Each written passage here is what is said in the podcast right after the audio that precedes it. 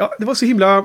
När vi hamnade i den här diskussionen om eh, religionen kontra vetenskapen. Jag, jag, jag var så himla okoncentrerad för jag, jag började tänka i huvudet. Liksom, vad, vad är det vi säger nu? Eh, får, vad är det man kan säga? Mm. Eh, så jag, jag, jag kände mig inte Jag så för- närvarande i diskussionen. För jag satt och tänkte i huvudet på alla liksom...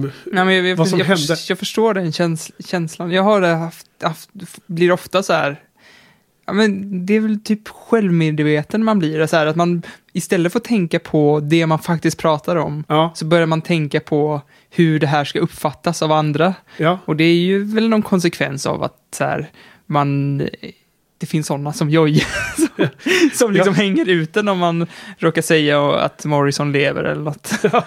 ja, nej men, ja och, och det är också en allmän ton i samhället med alla dessa sociala medier. Det, det känns som att om det är någon som säger någonting fel så blir det så himla stora konsekvenser. Ja, Det det, blir ett- det finns inget, Drevet går på något sätt man får inte ha fel. mycket mer än vad det känns som att det var eh, förr i tiden innan alla hade access till vad alla säger och tycker Ja, på det och, sättet. och även om man liksom ska liksom försöka stå ovanför det och inte bryr sig, ja. så, så finns ju det där hela tiden. Och nu börjar du, som, som du sa, du börjar ju tänka på det här istället för att tänka på det vi faktiskt pratar Ja, om. därför att jag, jag kände att i, jag kunde inte riktigt formulera vad jag egentligen tyckte i frågan. Därför att jag sa, samtidigt satt jag och tänkte i huvudet på eh, alla alternativ på vad man kan och inte kan säga. Och så jag, jag, jag, jag tappar ju liksom närvarokänslan i, i samtalet med dig. Jag vet inte om du såg det, men jag, jag zonade ut lite mitt i när vi skulle prata om den där ganska Det komplicerade var väl frågan. därför Sigge hade så kassa argument också kanske.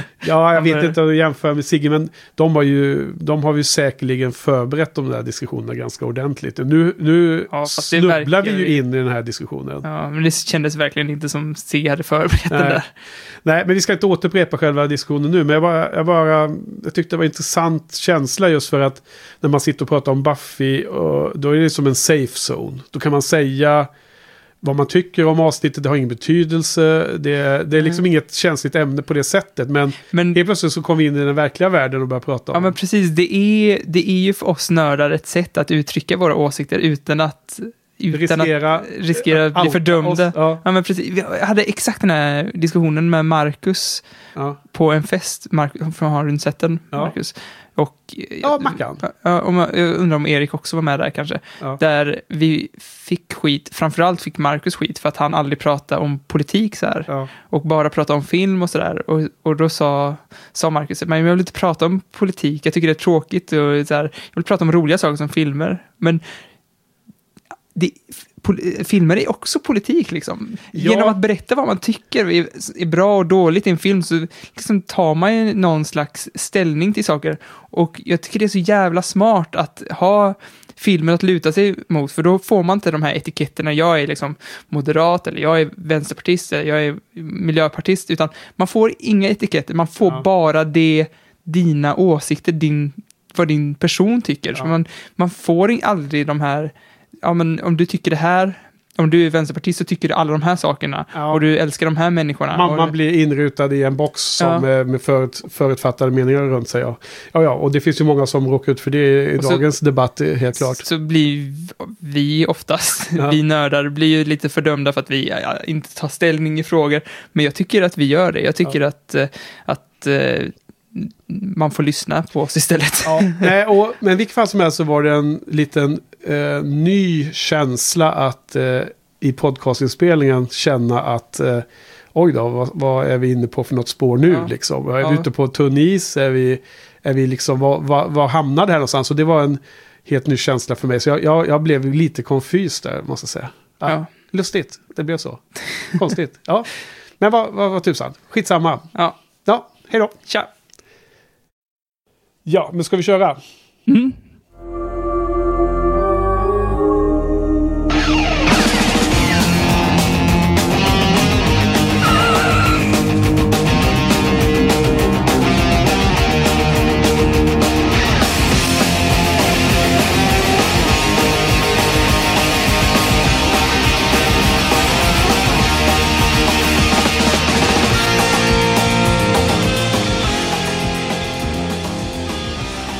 Hej och välkommen till Bufferpodden.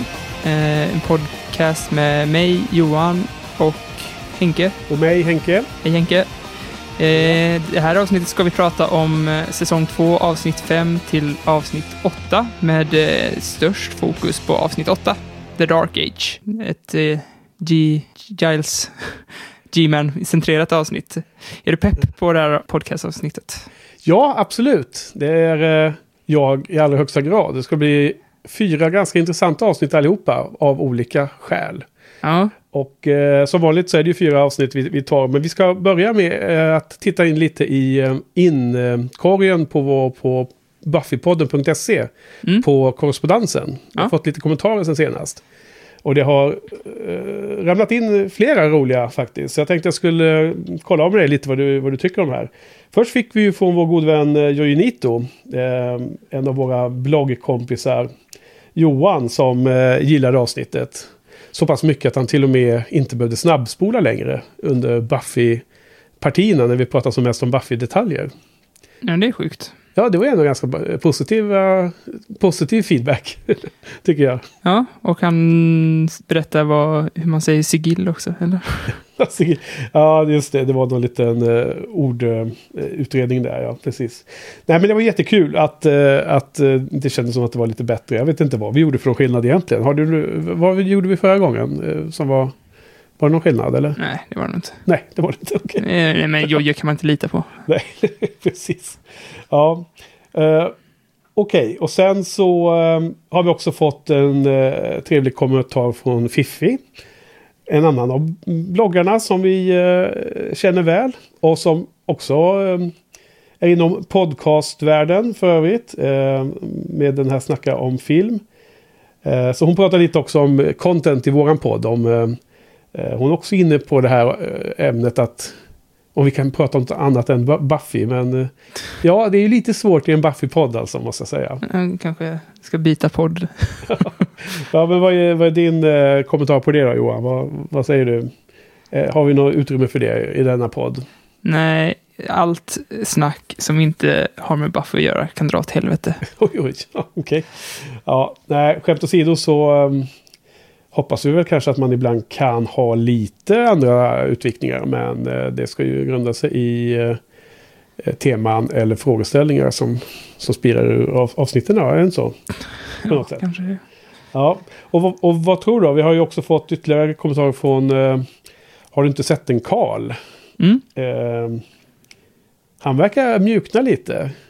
Skriver en eh, kommentar om att han snart kanske inte kan stå emot längre utan måste börja titta lite på Buffy och se eh, vad det är vi pratar. Undrar hur man skulle reagera om det dök upp en Buffy-box på hans eh, doorstep eh, en vacker dag. Ja, vad tror du? Jag tror eh, han skulle ta in den och värna om den och kanske... Med, med tanke på hur stor andel av de här avsnitten som vi ser som har undertoner och eh, filosofi och tankar eller idéer som inte alltid ligger på ytan utan som, som behandlas på olika, eh, olika sätt. Eh, hänvisningar, referenser och allt möjligt. Så skulle han kanske kunna eh, hitta helt nya vinklar och sånt som inte vi överhuvudtaget ser. Ja, men Carl är lite speciell. Alltså, vi, har ju, vi gjorde ju en topplista på våran 2015 års filmer. Och Ja. jag var, jag var eh, inte så pepp på årets filmer. Så då, jag blandade in med lite tv-serier Ja, för att fylla ut lite. Ja. Och Carl gillar inte det alls. så, och eh, jag, jag har även tipsat honom om podcasts som Ja. jag tycker är bra. Som Obit Dictum till exempel, där de pratar väldigt mycket om film. Men också övriga populärkulturella ja. grejer. Liksom. Lite backstage Men han vägrar också. lyssna på det för att det, det handlar inte bara om film utan det Nej. är andra saker också. Men eh, så han, han, han var lite list-nazist där med Ja. att eh, den skulle vara rent eh, bara filmer, inte Ja, tv-serier. Så vi är ju ändå lyckligt lottade att han lyssnar på oss trots att han inte ens sett Buffy. Men jag som trodde att jag var med här nu i gänget, jag fick inte skriva en eh, 2015 Nej, det fick inte Tommy heller. Han blev jätteledsen. Ja, han, Fick- han la in det sen, ja, Ja. efterhand ja. ja. ja. Jag har inte kommenterat hans lista där än. Nej, men det var, det här är helt och hållet Niklas fel. För jag frågade, ska vi inte be alla? Och Niklas bara, nej, det ska Nej. vi inte. Och Då, det resulterade i att du och Tommy blev jätteledsna. Så det, det, här, det här skyller vi helt på Niklas. Niklas är en ond människa. Ja. Ja, verkligen. jag kan direkt säga att jag... Han jag lyssnar inte heller på podden, så att, jag vet inte, så det är ingen idé att jag nu säger att jag drar typ härmed tillbaks min gratulation till hans eh, födelsedag som var typ idag. Ja, just det.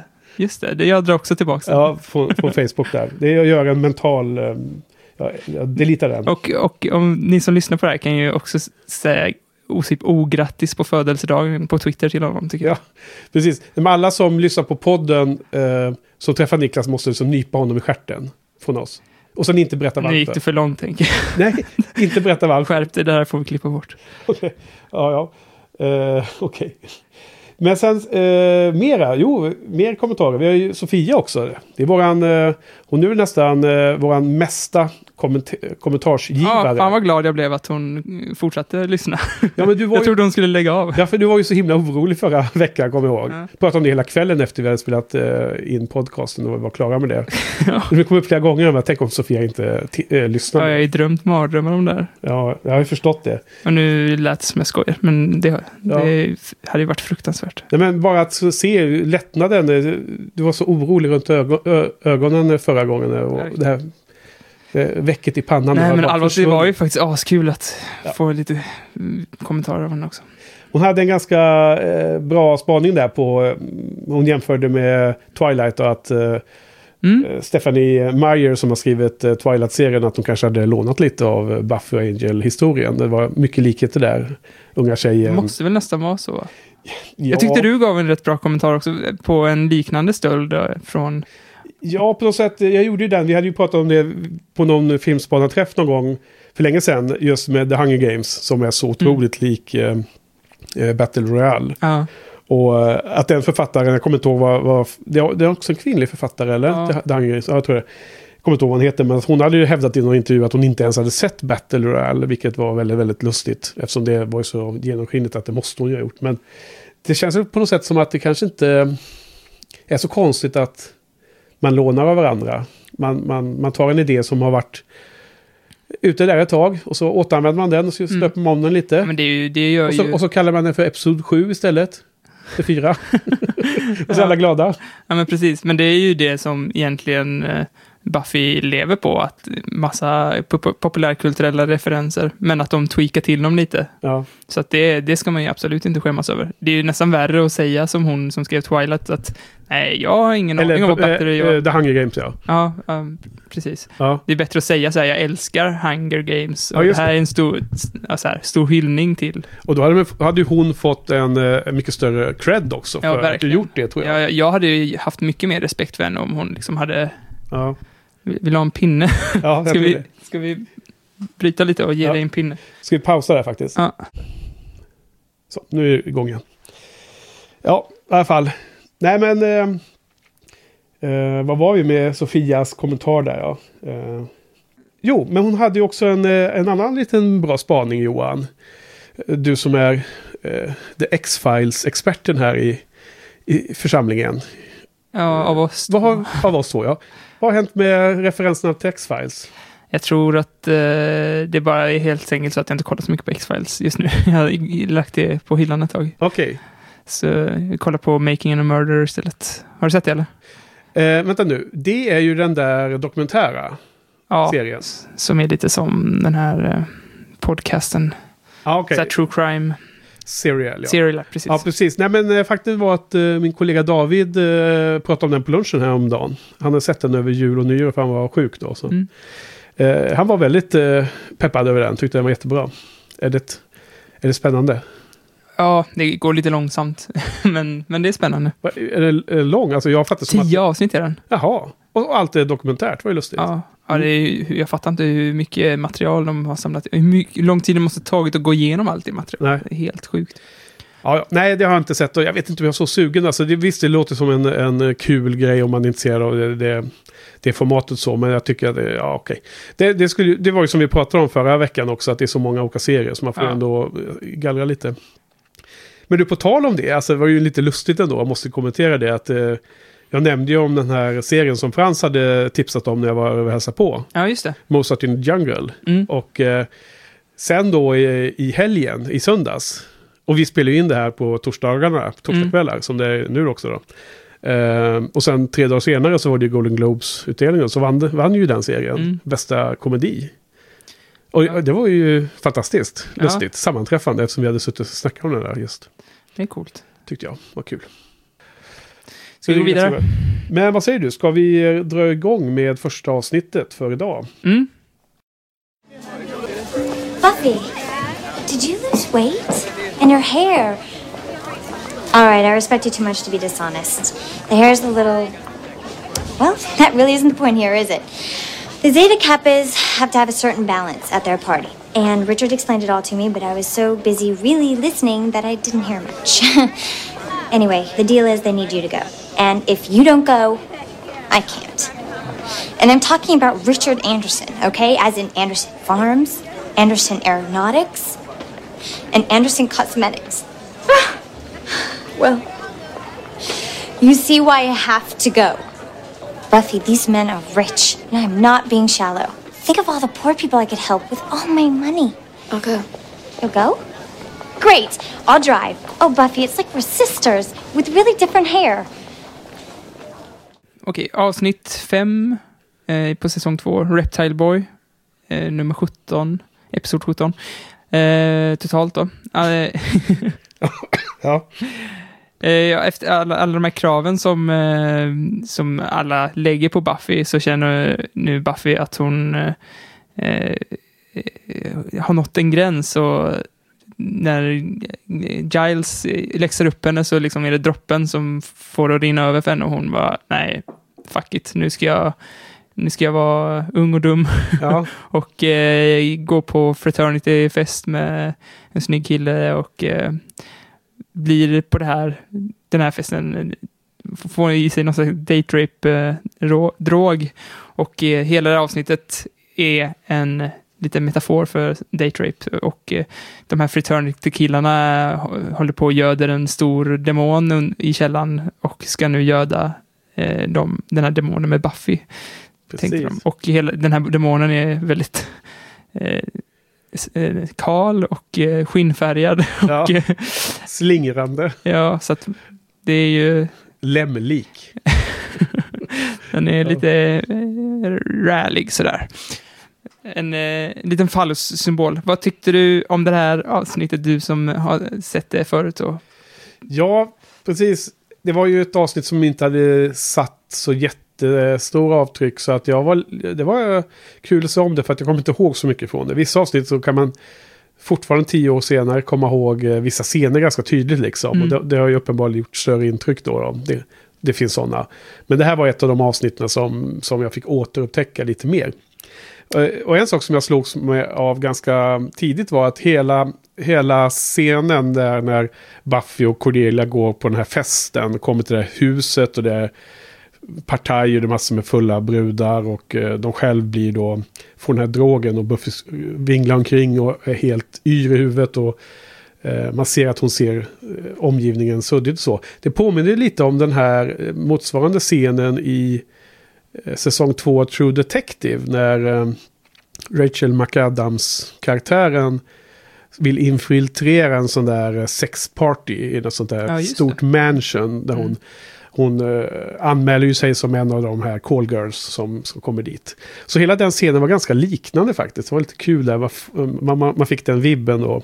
Och det var egentligen det avsnittet som jag tyckte var bäst. Ja, nu ringde det på, på Förlåt. Johans dator här. förlåt. Det var eh, i True Detective säsong 2 som jag tyckte var så fruktansvärt underpresterande jämfört med vad man hoppades efter Ja, första säsongen. Ja. Det var otroligt synd egentligen. Men det avsnittet med när McAdams var där inne som, som eh, undercover var nog nästan det, den säsongens bästa avsnitt, kommer jag ihåg. Så det, det tänkte jag lite på. Men vad, vad tyckte du då om detta? Kände du... Blev du missmodig inför de, de här fyra avsnitten när det började med sånt här lite halvskakigt Ja, avsnitt? men det kändes som att ja, nu är vi t- tillbaks så här, till där varannat avsnitt Ja. är dåligt, varannat bra. Ja, Så ja, jag blev lite orolig. Jag håller på och eh, kollade upp vem som regisserade det. Men det var, eh, ett- det var inte Bruce Seth Green, utan David Greenwald som hade gjort den här.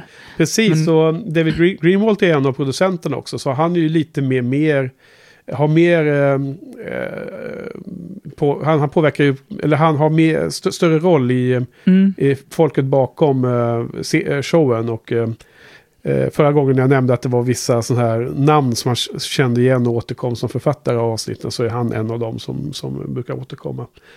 Um, nej, men jag, jag, eh, tycker att av de här tre, av de här fyra vi har sett till idag så var ju det här det, det som, som var det svagaste. Jag vet inte om du håller med kanske? Ja, ja utan tvekan. Det får visa sig sen med betygen om det, men eh, jag hade en annan kommentar som jag tänkte kolla om vad du, vad du tänkte om. Att det här var ju uppenbarligen ett eh, Monster of the Week. Det var ju de här Frat Boys eh, och deras eh, lustiga demon där då. då eh, som var Monster of the Week. Men det var ganska lite fokus på den delen.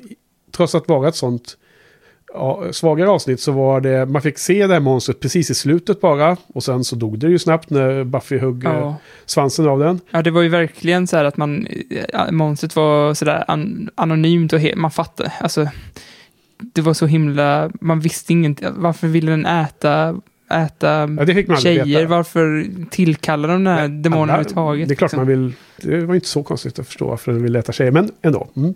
Det vill väl alla ja, det demoner? Väl ja, ja nej, precis. Det ingår i världen att de, de vill ätas. Eller de, de, många vill äta dem. Ja, skitsamma. Uh, ja, jo, fortsätt. Sorry.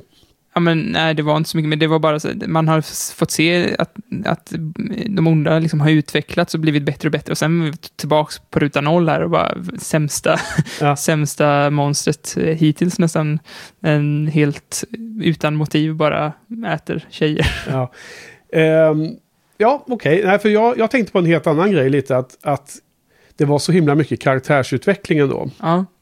Och att mest eh, del av tiden av det här avsnittet gick åt att egentligen ta karaktärerna framåt i vissa riktningar. Mm. Och att även senare av de här fyra så är det fler som är Monster of the Week. Och de har också eh, mycket mer karaktärsutveckling. Även om inte själva huvud... Eh, eh, vad heter det, handlingen i avsnitten tar den stora storyn framåt. Så Nej ser jag lite som att showen har mognat lite. Den, har, den börjar fyllas ut. Eh, det finns liksom inga döda spottar på samma sätt som när man kanske hade första säsongen The Pack som är väl ett av de mest typiska. Där liksom det, det, det gick ut i en liten återvändsgränd. Liksom. Det kom inget mer av det. Alltså bara, du kommer ihåg The Pack och ja. Sanders som blev förhäxad och fick en hyena-personlighet. Mm. Liksom det, det, gav oss ingen extra info om Sander alls. Så det var liksom en återvändsgränd. Här har vi ju hela den här grejen med att Buffy är less igen på att ja. växa upp, som vi sa förra veckan. Den här symboliken att ta ansvaret och liksom... Ja, jag tycker att, nästan ha, de kan lämna... Gå, gå vidare lite från ja. det, känns det nästan som. Ja. För det, det, känns som att de har behandlat det färdigt nu. Ja, ja. Ja precis. Och, uh, och det gör de ju faktiskt riktigt lite här i sjunde och åttonde avsnittet så blir det mindre fokus på Buffys problem utan mm. lite mer Mr. Giles faktiskt. Ja, vi återkommer ja. till det. Men det var intressant att du känner så. Ja, men det är lite som jag, jag tyckte också att eh, det har varit mycket om Sander och hans eh, avsaknad av kärleksliv ett tag. Ja. Och då fick man lite den känslan. Nu har du lite det att nu får, nu får de ge sig, gå vidare. Men jag hoppas att showen lyssnar på vad vi säger. Ja, nej, men eh, så fick Angel i det här avsnittet också snacka lite ännu mer om hur gammal han är och åldersskillnaden och ja. förklara sig lite. Ja, precis. Och du har ju verkligen blivit eh, hörd där då med, dina, med din, dina åsikter om att det var en dålig eh, relation ja. där. Ja, de har ju, om man säger så här att, att, äh, att äh, Angel, alltså karaktärerna är ju en, liksom, en summa av allt de har gjort, men det som de har gjort senast väger ju lite starkare. Till exempel nu så säger, förklarar Angel sig, och det väger ju upp mot mer än allt annat dumt han har gjort. Ja. Men han har ju fortfarande lång väg för att komma upp på noll liksom, i, i ja. min bok. Ja, så att han är ju inte uppe på noll på långa vägar än för mig, men han, han börjar i alla fall stagnera. Han, han är inte på väg neråt längre i alla fall. Ja. Okej, okay. men det är skönt att höra i alla fall. Sen, eh, sen var det ju lite roliga scener då. Jag, eh, Cordelia var ju lite kul som vanligt. Uh sina, eh, när hon skulle bjuda in. Det byggde ju på att hon, hon skulle bli bjuden på den här festen. Men då får ju en av de här killarna syn på Buffy på avstånd. Och, och då säger de till Cordelia att, att hon får bara vara med på festen om hon bjuder med sig den andra tjejen som är Buffy då. Så då har vi den här lustiga eh, dialogen där när Cordelia ska försöka få med Buffy på festen och ändå hela tiden säger massor med o... o eh, alltså hon... Hon, eh, hon säger massa elaka saker till Buffy hela tiden medan hon försöker locka henne att, att Ja. följa med. Så hon, hon är ju inte så himla smidig i de där lägena. En annan ganska kul liten detalj när, i någon scen när eh, Mr. Giles och Willow och Angel står och Ja, pratar. nej, men det hade jag också skrivit upp eh, och, och de, bästa scenen. och, och de, de, för de eh, kommer senare komma till undsättning och hjälpa eh, Buffy och Cordelia som är fast hos de här killarna. Ja. För då, då står ju Willow och bara stirrar på Angel jättelänge. För de står framför en spegel, är det den scenen? Ja, ja, nej, det är faktiskt inte den som jag tänkte på. Nej, för det, för, det, för det första med att dra den som jag, jag tänkte på var ju att hon, hon står och tittar och till, till slut så blir han bara så o, alltså, okomfortabel så han undrar vad, vad, är det, du- vad är det du tittar på? Och då har hon ju sett att han inte har spegelbilden så Mm. hon står och undrar hur han rakar sig. What are you doing? Oh, sorry. The reflection thing that you don't have. Angel, how do you shave? Men vilken scen var det du tänkte Nej, på? jag tänkte på när Willow eh, blir förbannad på Angel och säger And you! I mean, you're gonna live forever. You don't have time for a cup of coffee? Ja, precis. Nej, det, det just det för att eh, det är en grundfrö till att eh, Buffy är så frustrerad och vill gå iväg på fest är att hon är sur på att Angel inte är mer tillgänglig. Nej, precis. Mm. Men alla scener där Willow blir förbannad är ju eh, Ja. asbra tycker jag. Hon är din favorit. Ja. Okej. Alla Ja. är min favorit. Vad sa du? Ja, Alla är min favorit, utom Angel då. Ja. Bra. Okej, Reptile Boy. Eh, vad, hade du något mer om det? Eller Nope. är det dag- dags för betygen? Eller? Ja. Vad, vad, vad skulle du ge det här då? Ja, alltså det var, för min smak var det alldeles för pre... Det kändes nästan som så här kristen propaganda bitvis. Eh, Att man Just inte det. ska gå på fraternity parties, eller, Ja, då blir man bara drogad och våldtagen typ. ja. Så att, eh, nej men den får fan en tre. Även fall det var lite, Willow var skön och sådär, bra Ja. karaktärsutveckling så var det, ja. Mm. Nej, jag, jag eh, gav den fyra här skrev jag upp då. Det, det, det är också lågt. Jag gjorde inte den kopplingen lika tydligt då, då även om, om eh, jag förstår precis vad du menade när du gjorde den kopplingen där. Ja, okej. Vad säger du?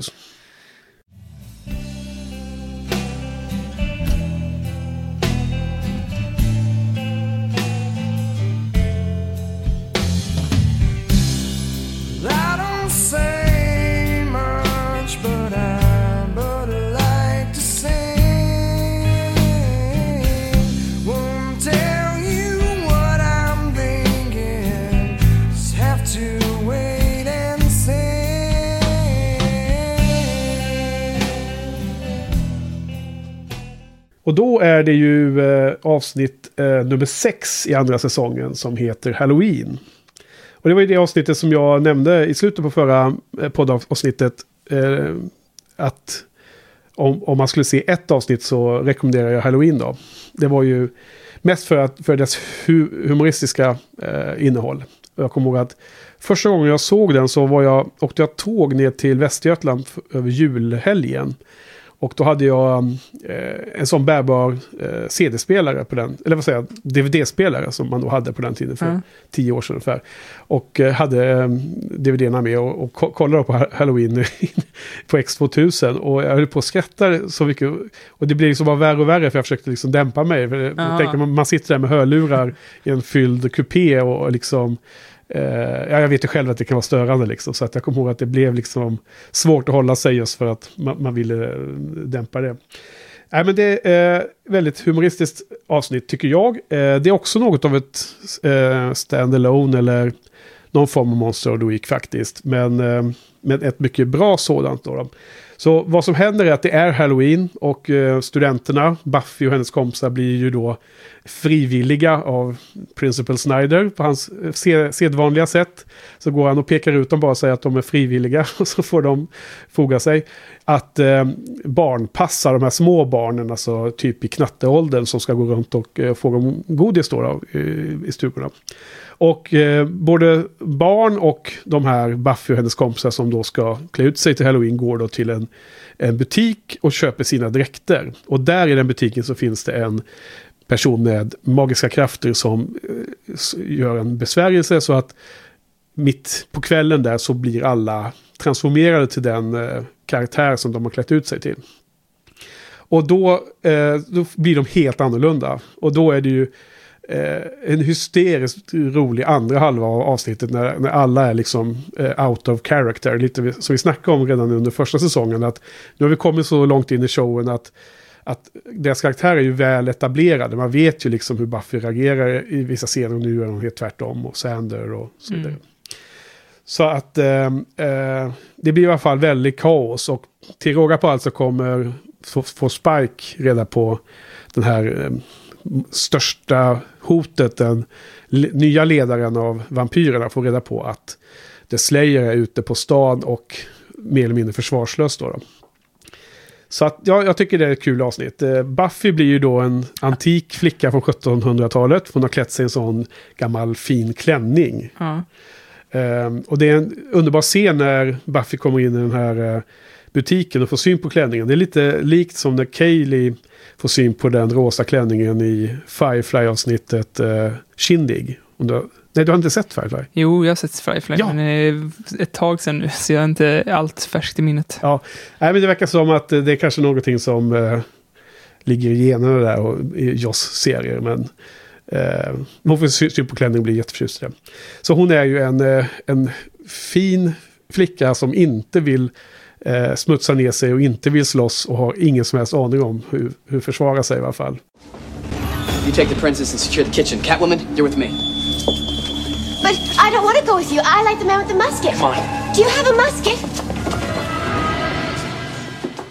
Hon vill gärna gå med mannen med geväret, eller det masket som hon säger, musköten. Mm. Ja, men vad tyckte du om det här då? Var det några bra tips av mig förra veckan? Ja, det tycker jag. Ja, men det var ett, ett bra avsnitt. Jag har ju jag har ju som sagt eh, fått känslan av att halloween-avsnitt ofta är ganska dåliga, att man bara fjantar runt och rider lite på att det är halloween och kan slappa till sig lite, men Joss har ju verkligen eh, du sa att det har varit Monster of the Week, men det- jag tycker det är inte ett klockrent mon- Monster of the Week faktiskt. För att det är, eh, boven är ju ändå eh, en återkommande bov och eh, eh, eh, hela, hela intrigen liksom är, Ja. byggs upp och, och det är klart att huvudintrigen liksom börjar i början av slutet av, av avsnittet och slutar i, i slutet. Men, men det som initierar allt är ju något som kommer få konsekvenser senare i Ja. serien Ja, också. men det stämmer. Det, det är faktiskt helt sant. Så att det får vi nästan ta tillbaka lite då. Att du, det, så är det ju som du säger. Men det är ju, det är ju också det här tematiska eh, som är i halloween-avsnitt. Det är ju svårt att inte bli lite, att inte bli Monster of the Week överhuvudtaget. Det blir ju lite den feelingen hur man än gör eftersom det är tema halloween liksom. Ja, Nej, men jag tror att anledningen till att jag kopplar till att det var det, det är väl liksom att eh, eh, avsnittet har inte några jättetydliga konsekvenser efter resten av handlingen. Förutom att, som du säger, att den här onda mannen då, eh, Ethan eller vad han heter, Mm. han återkom ju förvisso. Men, Jag tror att han skådisen precis har dött. jaha. Ja, eh, vad sa du? Att han, eh, han som spelar Ethan Rain eh, dog Ja, nyligen? ah, nej, det var inte så nyligen. Det var, jag googlade, 2013 dog han. ah, Ja. Robin Sash hette han och Ja. dog 2013. Men alltså då, då blir jag ju, kommer att tänka på det, det kanske vi skulle ha inlett hela avsnittet med idag och prata om. Alltså, i, idag kom ju nyheten att Alan Rickman har dött. Ja. Så har ingenting med Buffy att göra, men det är ju eh, Severus Snape från eh, Harry Potter-filmerna. Ja, men inge, det var väl det obligatoriska Harry Potter-inslaget. Ja. Det måste man ha i varje avsnitt. Ja, men Harry Potter är ju så bra och jag menar, Snape var ju en av topp tre, om inte topp två karaktärer i hela serien. Det var ju min, en av de absoluta favoriterna. Jag var ju jätteledsen när, han, när det kom fram att han dog där. Ja, det var tråkigt. Ja. Och sen dog Bowie också helt nyligen. Fan vad alla dör. Ska vi också nämna det? Eller båda var ju 69 år, det är också helt bisarrt. Varför ska de dö, dö så unga? Det känns eh, otidsenligt. Ja, ja, men det var ju bättre än 25 i alla fall. Eller 26, eller vad är det? 27? 27, ja just det, Club 27. Ja, precis. Nej, det var ju kräftan som tog båda, så det får man väl ha respekt för. Det, det är ju nog, det finns ju i alla åldrar, även om det är klart blir mer desto äldre man blir. Ja, ja, skitsamma. Vi, eh, vi, eh, det var tråkiga nyheter och det är alltid trist där, men... eh, Robin Sash dog i hjärtattack för övrigt. Jag känner inte li, riktigt lika stor eh, personlig förlust eh, av honom kan jag säga. Mm, det betyder att han inte kommer ha så stor roll. Han kommer inte vara, han kommer inte vara topp tre karaktärer i hela serien. Det kan. Okej, för jag, jag fick känslan av att han ändå skulle vara en stor, eftersom han återkommer. Jag tror, för nu är han bara liksom en kille som äger en, i det här avsnittet är han bara en kille som äger en maskeradbutik. Ja. Men den karaktären kommer ju växa. Ägde en butik och en, då, och en eh, lömsk agenda. Ja, det ägde han. Ja. Så eh, vad, vad mer då? Det, det, vi, vi pratade lite om eh, huruvida det var Monster Week eller inte. Och, nej, men jag håller med. Det, det, det, det är ganska... Det är något mellanavsnitt i alla fall då, för det har ju inte någon gigantisk påverkan. Det, det som händer under den fasen när alla är konstiga, med Sander, han blir ju en militär. Och är eh, stenhård och, och och tar, tar ledningen så att säga. Och alla de här små barnen som de vallar runt och blir ju små monster och så. För de har ju klätt ut sig till små minimonsters allihopa. Ja, ja, var Olyckligtvis. Så de, de, de hänger på Spike där och springer efter. Ja, just det var också roligt att här Spike har skaffat en liten barnarmé. Ja, av små monster som, som growlar där. Ja. Och sen eh, i slutet ändan så är det ju, Mr. Giles kommer ju, eh, får ju, listar ut att han får höra att eh, det är bara de som har köpt sina, eh, sina kostymer i en butik som det här händer. För att eh, Cordelia har ju köpt sin i en annan butik och hon är ju klädd som en, eh, en katt, en, hon har en kattdräkt på sig. Ja, Så hon blir inte omvandlad till katt. Och nej, precis och samma sak är det ju, eh, ja, på något sätt listar de ut att, att det är den här butiken. Så Mr. Giles är ju där och letar och då, då visar det sig att de känner ju varandra. Vad, vad, vad tyckte de om den scenen då? De har ju världens stand-off där. Det verkar ju vara, liksom, ha någon connection med varandra. Kommer du ihåg scenen? Ja, jo, men jag har ju också sett avsnitten efter, så jag vet inte Ja. riktigt, kommer inte ihåg riktigt Nej, vad jag de, kände. de ju- har ju hängt i samma gäng i London va? Under studietiden och håller på och fuska inom magi och sånt. Så att den här eh, Rain, Ethan Rain verkar ju vara en, en eh, för detta polare som de har blivit lite eh, ovänner. Båda hotar ju varandra om att du måste lämna stan och sådär. Och så, så kallas ju Mr. Giles för Ripper. Ja, Som också är så här, jaha, okej. Eh, vad, vadan detta? precis. Han, han visar ju lite mer backbone. Han är ganska mm, brutal i några scener där, Mr. Giles. Vilket skär sig lite mot när han i första säsongen är lite vek och lite så här, han, han blir lite lätt knockad i någon scen och han eh, har ingen chans mot Buffy när de tränar med quarterstaffs och sånt där. Men det får man väl ha överseende med, det är väl någon slags utveckling av karaktären. Uh, borde han inte det? Eller? Nej, men jag menar att i det här avsnittet och även lite senare här nu, de här kommande, så är han ju mycket tuffare, mycket hårdare person. Och när han, eh, när han bes, eh, Ethan beskriver ju honom som en eh, farlig hårding. Ja, ja, jag, är, jag är lite tyst nu för att jag tänkte att eh, vi skulle prata mer om Ja. honom i nästa avsnitt. Men, Men, ja, men, det, men det ska vi göra det, eller? För vi, vi ska ju fokusera lite mer på The Dark Age, det åttonde avsnittet. men nu har vi bara pratat om han, handlingen i princip i det här avsnittet. Ja. Har vi inte det? Nej, men lite med humorn också, att det är den här eh, out of character-leken som funkar bra i det här avsnittet just. This. This could be me. It is you. Buffy, can't you remember it all? No, I, I don't understand any of this. Uh, th- This is some other girl. I would never wear this, that low apparel, and I don't like this place, and I don't like you, and I just want to go home. You are home. She couldn't have dressed up like Xena. Kom som du inte är, come as you aren't är ju lite så här temat att man ska till exempel Willow klädde sig väldigt utmanande för att hon Ja. absolut inte gillar att klä sig utmanande. Men för att det, det liksom går mot hennes person- personlighet. Mm. Men samtidigt är det ju så att det, det kommer ju från ett frö någonstans. Så jag tycker att det är det här, en, en, det andra sidan av myntet. Eller man ska säga.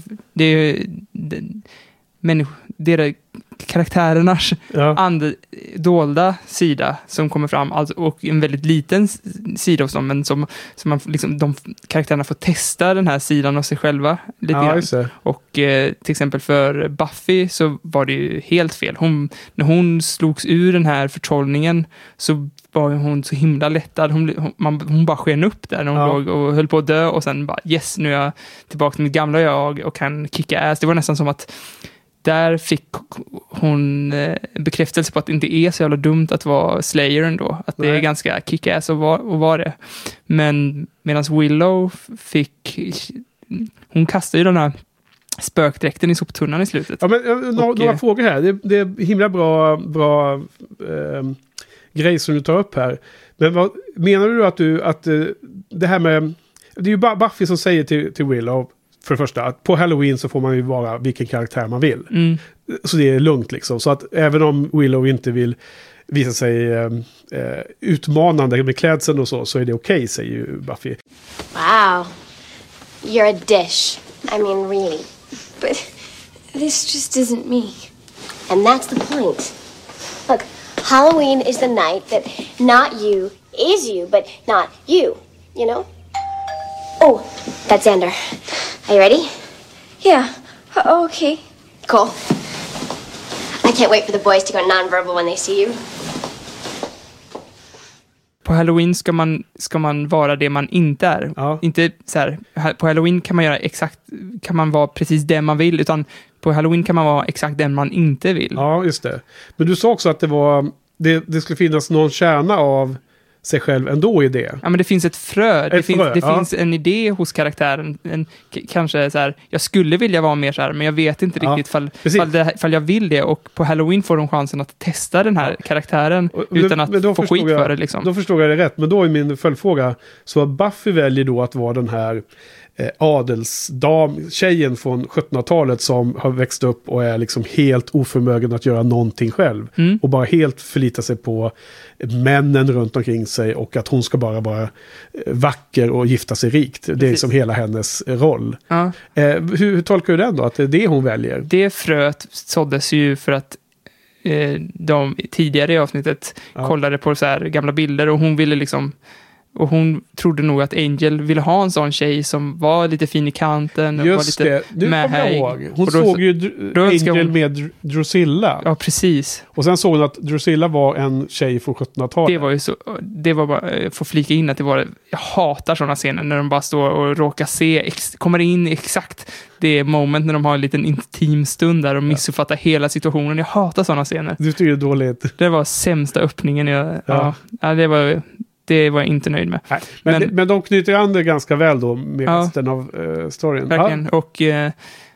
precis, det var hennes frö. Och, och Sander, han vill ju vara tvärtom. Han vill ju vara den killen som är hjälte och stark och tuff. Liksom. Men Ja, men, precis var lite för- komplex för att han är lite mesig och så. Ja, det har ju varit med flera gånger. Bland annat det här när, när någon kille går på och muckar med honom och, och Buffy kastar undan den där elaka snubben på skolan. Var inte det i den här avsnittet till och med? Var det i samma avsnitt kanske? Han, det kom en payoff i det här avsnittet i alla fall. När Ja, han fick spöa upp honom när han var ett monster i alla fall. Ja, precis. För att, ja, men det var kanske samma avsnitt då. Men man blandar ihop dem när man ser fyra åt gången. Ja, Men, men eh, för då var ju Sander så här, ja, tack för den hjälpen, nu blir jag liksom kallad för Sissi här resten av livet. Mm. Att bli nedslagen eh, har ju ingen betydelse liksom, det är en blå tira går över på liksom några dagar.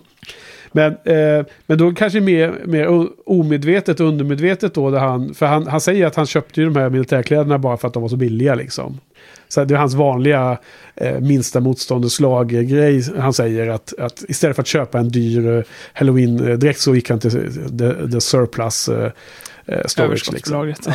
Ja, men eh, det, det, det skulle till och med kunna vara sant att det bara är hans undermedvetna som vill Mm. vara lite tuff. Men Ja, men de, de, det funkar ju bra med det då. Han är lite, det är kul med honom. Men sen Willow är nästan den mest intressanta. För det, det är egentligen eh, där det händer någonting i det här avsnittet skulle jag gissa. För att det, hon, eh, hon tar ju Buffys råd och så, så klär hon sig jättefräsigt som en punktjej eller som en, eh, ja, en punktjej ungefär liksom. Mm. Eller som en av tjejerna ur eh, Scott Pilgrim vs. The, the World-filmen liksom. Men sen så tappar hon ju modet och så vågar hon ju inte gå ut så. Så hon tar på sig det där eh, lakanet och ser hon ut som ett spöke istället. Ja. Eh, och Buffy bara suckar att hon inte vågade liksom. Trots att Buffy sa du får gå ut och du får liksom testa den där. Så att när hon då blir eh, den hon är utklädd som, då blir hon ju ett spöke, lustigt nog. Som kan gå, gå omkring in i väggarna, Det var genom ganska väggar. nice när hon eh, gick in till Mrs Giles. Ja, och Mrs Giles bara, och tappa tekoppen. Det var bara så många fel på Ja. en och samma gång. Hon gick genom en vägg och var klädd som inte Willow. Ja, och, och det är också lustigt för att när de blir transformerade så... Eh, Sander han blir bara... Han, hans leksaks... Eh, automatvapen blir en, en M16 liksom. Och Mm. Buffy blir bara liksom den här eh, fåniga tjejen direkt.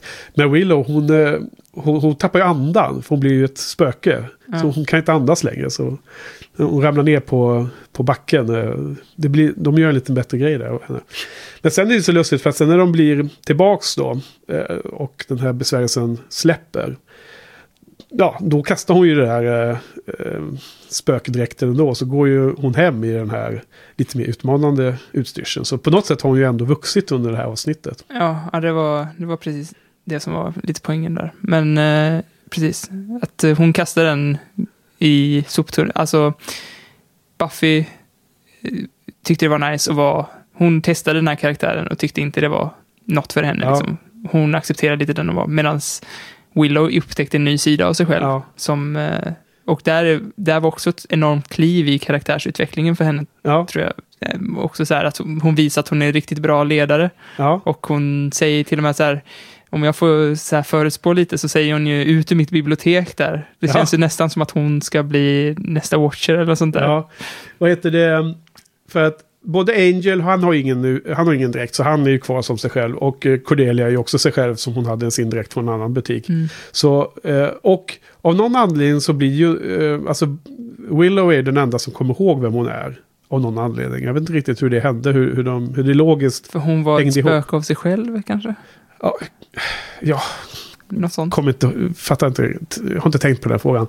Men hon tar ju värsta kommand, ko- kommandot där, Ja. när, när Sander och eh, Buffy inte går att lita på riktigt. Ja, och man, man får se att är hon är ganska, ganska smart, precis som Miss Giles. Så här, hennes vapen är att hon är smart och när inte, Sander inte lyder henne så, så här, Soldier! Ja, Så här, beha- ge, ge honom order istället. Då, då lyder Sander. Bara reagera med ryggmärgen som en, en god soldat gör. Och sen- Och Buffys reaktion där, varför tar du order av en kvinna? Ja, ja precis. Det var Ja. ganska bra. Och sen när- eh, Buffy, när hon s- får syn på att Angel är en vampyr så blir hon ju dödsrädd och springer iväg. Bara den första scenen man ser med henne när hon precis har blivit eh, transformerad, fast vi har inte förstått det ännu när vi ser avsnittet. Då får man ju se ett monster kommer springande på, på gatan. Då, då svimmar hon ju bara direkt. För det är liksom, hon klarar inte av sådana saker överhuvudtaget. Eh, men sen i slutet av, av avsnittet, bara en annan sak som du, om du tänkte på det, då var det ju värsta payoffen på oss, den Ja. killen. För han, han, eh, han, när de hade det här Inka Mummy Girl, när han spelar på The Bronze, och när han ser eh, Willow som med Esk- Eskimo-dräkten, då, då frågar han ju sin eh, bandmedlem där, Who's that girl? Ja, det avslutas ju det avsnittet. Och nu är det igen då, han, han sitter i en bil och alla har ju blivit, eh, alla förbannelser har ju släppt så att nu är alla normala. Men då kommer ju Willow gående där i sin, eh, i sin, ja, sin eh, utstyrsel där då. då eh, på väg hem. Och då ser oss henne igen då. Så who, who, who is that girl? säger han där. Ja, Jag har för mig att det till och med var tredje gången han säger det. Men det är rätt coolt också att se så här, för att första gången man fick se henne i de kläderna så tänkte man ju så bara, ja men vad fan Buffy, varför har du satt på henne sådana kläder? Hon ser ju bara obekväm ut. Men i s- sista scenen så har hon ju ett helt annat självförtroende. Hon, liksom, hon går det känns nästan som mer hon passar, ja. passar i de här kläderna. Alltså det är mycket med. Nej, han har ju sagt det tidigare Utstrålning. tror jag, i samma avsnitt när de springer på varann. Ehm, det är någon lustig scen där, där ehm, båda säger var för sig någonting om att varför kan man inte träffa en, en, en, en, en bra person, liksom? varför kan man inte träffa någon? Så har de just sprungit in i varann. Ja, Eh, jag tror att det, hon är spöke va? det, nej, det är innan allt det här, det är på skolan typ. Så här. Ah, Men då har de, ah, de har det, inte där lagt ja. märke Ja. till varandra riktigt ännu. Men jag tror Willow säger varför kan man aldrig träffa någon, någon bra kille Ja, precis. liksom. Ja, Eh, och, och han springer in i henne och, och, och vänder sig om och säger who, who is that girl? ja. Som han ser hela tiden. Men det är möjligt att det är första avsnittet vi såg. På det temat så glömde jag ta upp förra avsnittet att jag hade spaning om, om eh, vad fan heter eh, Sander och Cordelia. Jaha, Men nu i det, de här fyra avsnitten så kändes det bara för, för uppenbart vadå för något? att eh, de, eh, så här, kärlek börjar med bråk-grejen, Ja. att, det, att det är någonting mellan de två. Men nu är det ju för uppenbart när han sätter på henne jackan och de är väl, ja, Ja, när han är som militär där, hon fryser. Ja, precis. Ja. Och, och dessutom så har jag läst mellan raderna i mina recaps att det kanske ska uppstå någon gnista mellan dem. Ja, men vänta, jag förstår inte. Du menar att Sandy och Co- Cordelia har blivit... Ja, Jaha, okej. Det är din teori. okej. Det kanske inte är så då. Nej, jag vet inte. Ja, men jag, tänkte Jag får inte det. säga någonting om Cordelia, för då avslöjar jag för mycket. Jag tänkte i i förra avsnittet så Ja. kände jag det som, en, som en, så här, en bra teori att ha med sig, men nu kändes det bara nästan för uppenbart att ta upp det. för att det var, ja. för det var ju exakt det som Angel hade gjort för Buffy och Sandra rasade totalt och nu gör han samma sak för uh, Ah, Cordelia. ett äckel som ger ut jackor. Ja. exakt. Fast det var inte läderjacka, det var bara en tygjacka. Ja, men då så. Ja, då så. Och sen var det, ja, det var många små lustiga kommentarer. Vi, vi får väl klippa in några, några roliga citat. Jag tror att Buffy ibland när, när Willow förklarar för Angel vad som har hänt så säger hon att de har amnesia, minnesförlust. Mm. Och då, då svarar ju antika Buffy där. Oh no, I bath, bath quite often. Liksom, hon tar det som att hon är smutsig av något slag. Ja. There's somewhere we can go. A safe haven. The lady said to stay put. You would take orders from a woman? Are you feeble in some way? Ma'am, in the army we have a saying. Sit down and shut the... Whoa! She must be right. We must have some kind of amnesia. I don't know what that is, but I'm certain I don't have it. I bathe quite often. How do you explain this? I don't. I was brought up a proper lady. I wasn't meant to understand things. I'm just meant to look pretty, and then someone nice will marry me. Possibly a baron. This ain't no tea party, princess. Sooner or later, you're gonna have to fight. Fight these low creatures? I'd sooner die. Then you'll die. Oh, good. Men i alla fall, eh, sen var det en ganska bra eh, låt i början av avsnittet. Jag vet att du inte kanske så fokuserad på det, men eh, tänkte du någonting på musiken i Halloween? Eh, låtarna som spelades till eh, avsnittet? Eh, Jag vet inte. Nej, nej. nej jag, jag, var, jag var nästan helt säker på att det var Chris Cornell som sjöng någon låt. Men eh, jag ser här nu på um, episodguiden att det är den låten där i början av avsnittet som jag tänker på är en band som heter Epperly. Med en låt som heter Shy. Eh, låt från 96.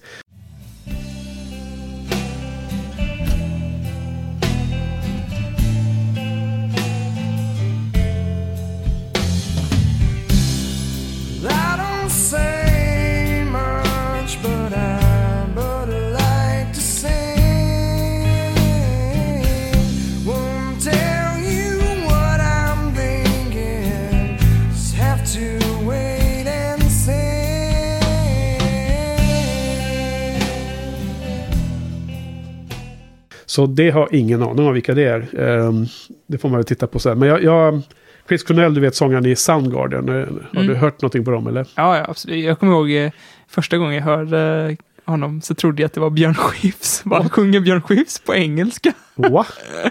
Nej, men det här är ju helt... eh, Det här är inget bra alls. Varför säger du så?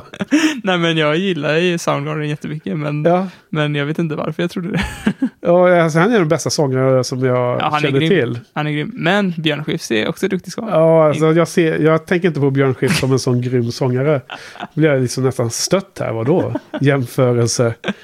Men eh, Soundgarden och han har ju solo och han har ju Audioslave tillsammans Ja. med killarna från eh, Rage Against the Machine, Mm. nyare band.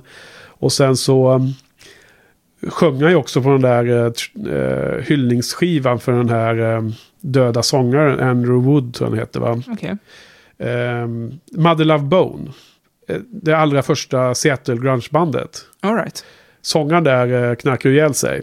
Och han var ju bästis med, eller han var polare med Chris Cornell. Okej. Så då gjorde de ju en eh, hyllningsskiva som, eh, som de kallar sig för Temple of the Dog.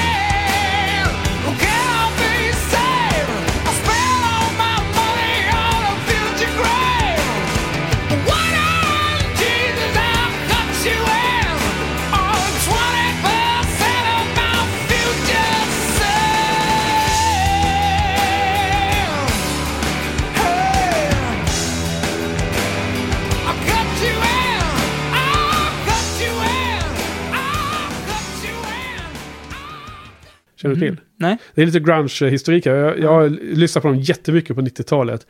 Alltså, eh, killarna som spelar i Mother Love Bone, där vars sångare då dog så här tidigt, är ju flera av dem som sen blev Pearl Jam. Mhm. Och eh, de var ju polare med Alice in Chains, som då höll på och var okända i Seattle. Och så gjorde de den här hyllningsskivan och då kom alltså de som sen startade Pearl Jam och Chris Cornell. Och så kom det in en surfer dude nere från Kalifornien som Eddie Vedder, blivande sångare i Pearl Jam. Så de gjorde den här hyllningsskivan och då kallade de sig för Temple of the Dog. Och skivan heter så också, den är svinbra. Eh, Den måste jag lyssna på. Ja, den är, jag har den här, den är bakom ryggen på mig. Vi kan lyssna på den sen. Ja, eller Spotify. Ja. Och, eh, och sen så blev ju Pearl Jam skapades ur den, ur det, Mhm. det mötet och så. Då, då. Och sen gjorde de ju eh, sin första platta som jag tror var mycket material som killarna, det är ju Stone Gossard och han eh, Jeff Ament som skriver mest av låtarna, i alla fall i början av Pearl Jams karriär. Mm. Eh, och jag tror att mycket av det materialet var ju Mother Love Bone-material för deras andra skiva som det ska ha blivit. Blev ju Ten, Pearl Jams debutplatta Ten istället. Och den, den tycker jag är så otroligt bra. Det är liksom, men sen, sen så dog lite Pearl Jam för mig. Jag tyckte att de blev lite för... Ja, det låter töntigt, men de blev faktiskt lite för mainstream. De blev lite för eh, Jo, men så är avrundade. det där känner jag igen. Men det, Ja. men det är ju också så att när... Eh, man vill ju ha något som är personligt. Jag vet inte. Ja. Men Nej, men alltså jag, jag, en anledning till att jag började lyssna på Pearl Jam var för att 90, 1993 när jag såg Neil Young för första gången live på stor konsert, då skulle Pearl Jam vara förband och det var på Sjöhistoriska i Stockholm då. Mm. Och då så ville jag lyssna in mig lite så, då hade de ju bara gjort en skiva då, Mm. eh, den som heter Ten. Och, och så tyckte jag att den var så himla bra och sen så eh, hittade jag Temple of the Dog och på det sättet hittade jag Soundgarden och så. Och så, sen såg man singles runt om där, runt den eran, det vet den filmen från Cameron Crowe. Och där var ju Alice in Chains med live i flera scener. Så då hade man ju liksom täckt in allting. Så jag har liksom gillat det mesta som är känt därifrån. Utom Nirvana liksom, som alla andra typ började ja. lyssna på, känns det som, från den eran. Ja, Jag, Rage Against the Machine lyssnade på och det var därifrån jag fick eh, Soundgarden. Ja, Men- via Audioslave då. Ja, precis. Ja.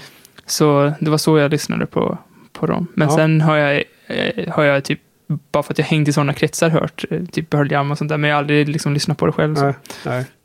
För, för eh, i singles så är också Pearl Jam-snubbarna med, spelar i det här bandet, låtsasbandet, eh, Sits and Dick.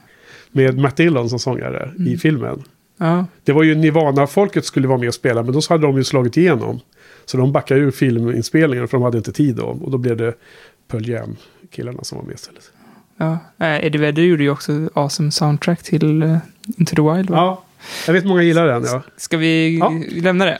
Du, eh, Halloween, ett eh, favoritavsnitt för mig. Vad, eh, vi, vi avslutar med det då. Eh, vad, jo, men jag skulle bara en sista kommentar. Det lustiga är ju att det är ju faktiskt Bruce Seth, Seth Green som Ja, har det. regisserat det här. Så att det, helt plötsligt så har han gjort ett väldigt trevligt Vem är det som har avsnitt. skrivit? Ja, men jag tror att det här avsnittet hade fan blivit ännu bättre om, om någon annan regisserade. För det var så jäkla bra skrivet och allt Ja. sånt. Men eh, var, var det inte det här? Eller var det... Nu vet jag inte för att blanda ihop det.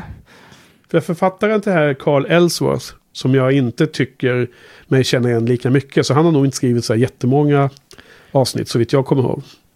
Uh, fan, jag vet inte ifall jag... Är det Seth Green som har regisserat eh, Dark Age också, eller? Ehm, Det är det va? Det kan... eh, Oklart, jag vet att nästa avsnitt är ju skrivet och regisserat av Joss i alla fall. Okej, Sjuan. Det borde Jo, det är, det är regisserat av Bruce Seth Green. För där, Åttonde. där tänkte jag verkligen på det att så här, om det var någon annan än Bruce Seth Green som hade regisserat eh, den Dark, The Dark Age Ja. så tror jag att det hade blivit ännu bättre. Jaha. Alltså, så vi, ska vi ensas över att vi tycker att han är en, en regissör som inte är så bra då för avsnitten? Ja, men skull? för man tänker på det så är det ju dialogen och, eh, och s- eh, ja, men allt, allt som inte är regin liksom, som Ja. är bra i det. Ja, Okej, men vi får återkomma åttonde avsnittet då. Eh, men det var bara en kommentar. Vi har ju snöat in på denna regissör efter Ja. eh, begreppsförvirringen. att, att jag bara övertolkar. Ja, precis. Det var det började ju att eh, viss förvirring om det var skådespelaren Seth Green Ja. eller inte. Men det var ju en annan person. Men vad, vad ger du för betyg till Halloween då? Ja, men det, det, var, det var nice. Det är en sjua. Ja, Lite så här små frågor. Varför, varför fick bara Spike gå där i slutet? Det var ju Ja. liksom, jag inte efter eller något. Där, det är ju lite så här Monster of the Week-varning på att Spike bara gick därifrån utan att ja. Jag tror inte att Bu- Buffy var så upplagd på att jaga eh, Spike som redan har misslyckats ha ihjäl någon gång. Nej, nej. Hon var, hon var i försvagat tillstånd. Hon hade inte med sig sina små eh, tiny fences och sådana saker. Ja. Eh, jag, jag gav ju den här åtta förra gången. Eh, så vitt jag kommer ihåg. Men jag, jag, jag satte sju nu. Jag tycker att det är fortfarande jätteroligt. Men jag tycker mer att det är det humoristiska som adderar. Jag tycker att det, det mm, för att det ska, för avsnittet ska bli mer komplett för mig så behövs det mer emotionell eh, impact känner jag. Ja. Att jag. Att jag söker. Men det är nice med, med lite variation, för det är fortfarande ett bra avsnitt, trots att det är... Ja. Förut har det ju varit så här dåligt eller bra, nu är det bra eller roligt. Ja. det är fortfarande bra liksom. Ja, och, och det som är så tydligt med alla de här fyra är ju liksom att eh, oavsett om det är av den ena eller andra karaktär, eh, typen av avsnitt som har mer eller mindre med huvudhistorien att göra så är det liksom jättemycket karaktärsutveckling nu helt plötsligt här i, i Mm. inledningen av andra säsongen. Okej, vad bra. Ska vi eh, gå vidare till, eh, eh, vad blir det? Eh, Det här var sjätte, då är vi sjunde avsnittet för den andra säsongen som då heter Lie to Me. Mm. So many people have that misconception, but they who walk with the night are not interested in harming anyone. They are creatures above us, exalted. You're a fool. You don't have to be so confrontational about it. Other viewpoints than yours may be valid, you know. Det är för fan här som eh, Angel står och jät- jättenära Drusilla och Angel kommer, eller, och eh, Buffy kommer på de två. Ja, precis. Jag, jag var ute och cyklade. Som sagt, jag ber om ursäkt till alla lyssnarna. Vi, man blandar lätt ihop... eh, Men vad fan, jag hakar ju bara på din vanföreställelse där. Ja, förvisso. Men vad du hakade på var ju att du tyckte att det var en eh, dålig lösning att eh, Buffy råkade se Ja, det. men bara, kom inte säga att jag inte suger, för det gjorde jag. Nej, du, Fan. du, inget, eh, ingen skugga ska falla på dig. Det var det är jag som blandade ihop det. Men skitsamma, Light to Me, berätta vad handlar det om is- istället? Vad, vad Ja, händer i det? Ja, men nu blir jag osäker på om jag har blandat ihop mer saker. Men efter det här mötet då, så försöker Buffy göra Angel sotis genom att hänga med en gammal kompis som eh, dy- dyker upp. Ja, Och det, och det funkar ju faktiskt, för Angel blir ju sotis. Och för första gången, eh, och eh, kan, det är inte så att Angel kom upp på noll, men jag tycker det var lite gulligt av honom att bli sådär sotis och komma Ja. hem till Willow och bara... men det, det låter som att du, eh, nu bryter jag in lite i din eh, beskrivning av handlingen, men, men det låter som att du eh, softar lite på Angel så fort han visar lite mer mänskliga drag då helt enkelt. Eh, Ja, En, det- en, eh, ja, Nej, bra. men bara han Bra visar, eh, visar lite känslor liksom. Ja, absolut. I, istället för att stå och bru- och bruta. För övrigt så säger han ju det. Ja, Uh, Angel, if I say something you really don't want to hear, do you promise not to bite me? You gonna tell me that I'm jealous? Well, you do sometimes get that way. You know, I never used to. Things used to be pretty simple. Hundred years, just hanging out, feeling guilty. I really honed my brooding skills. Then she comes along.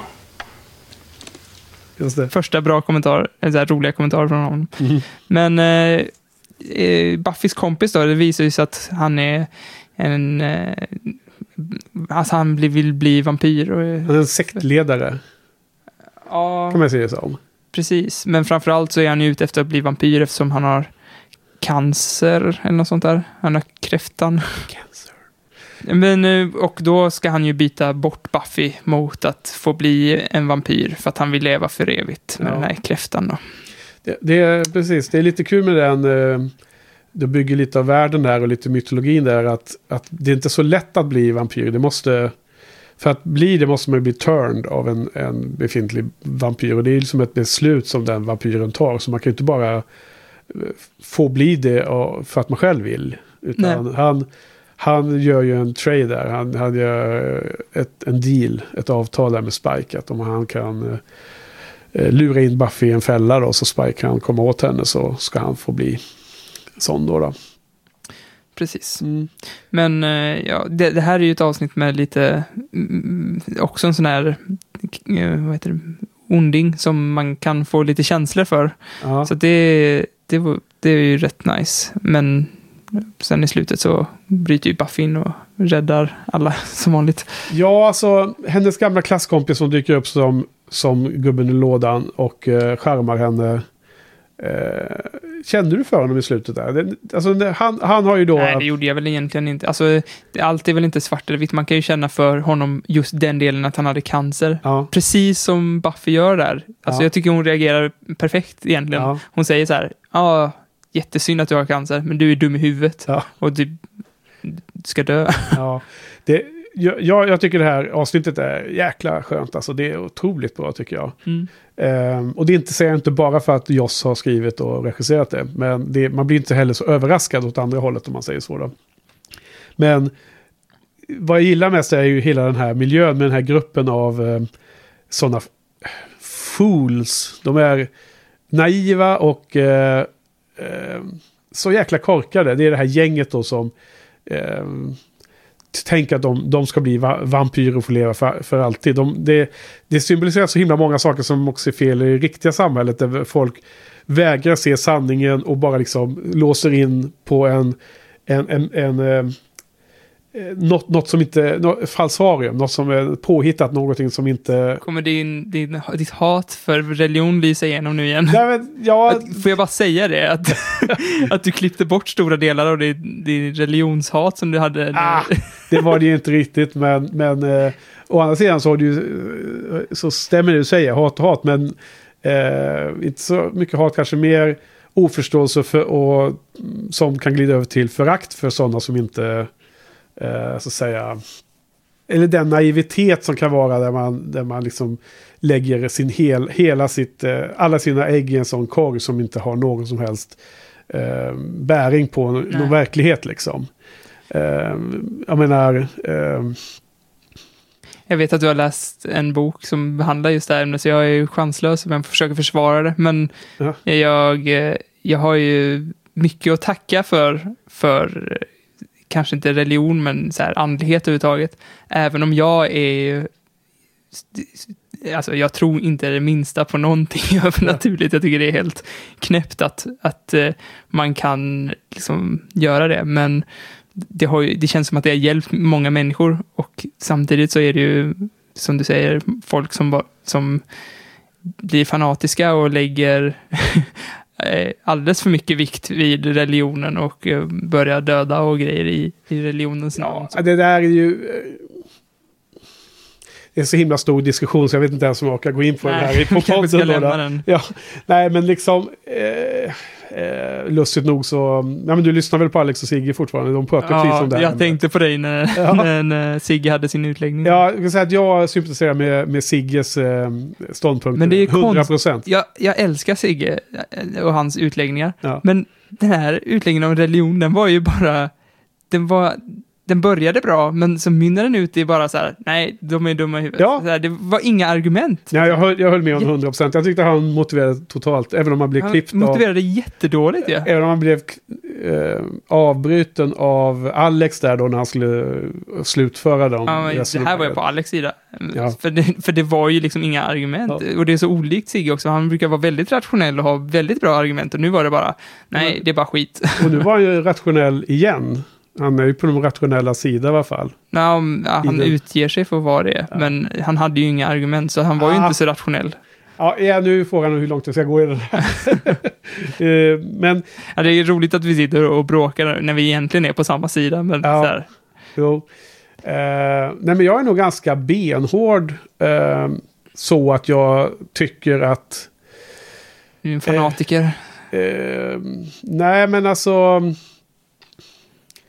Kan överhuvudtaget inte förstå hur man kan eh, eh, så hårt eh, committa sig till någonting vars enda bevis är att du måste tro på det.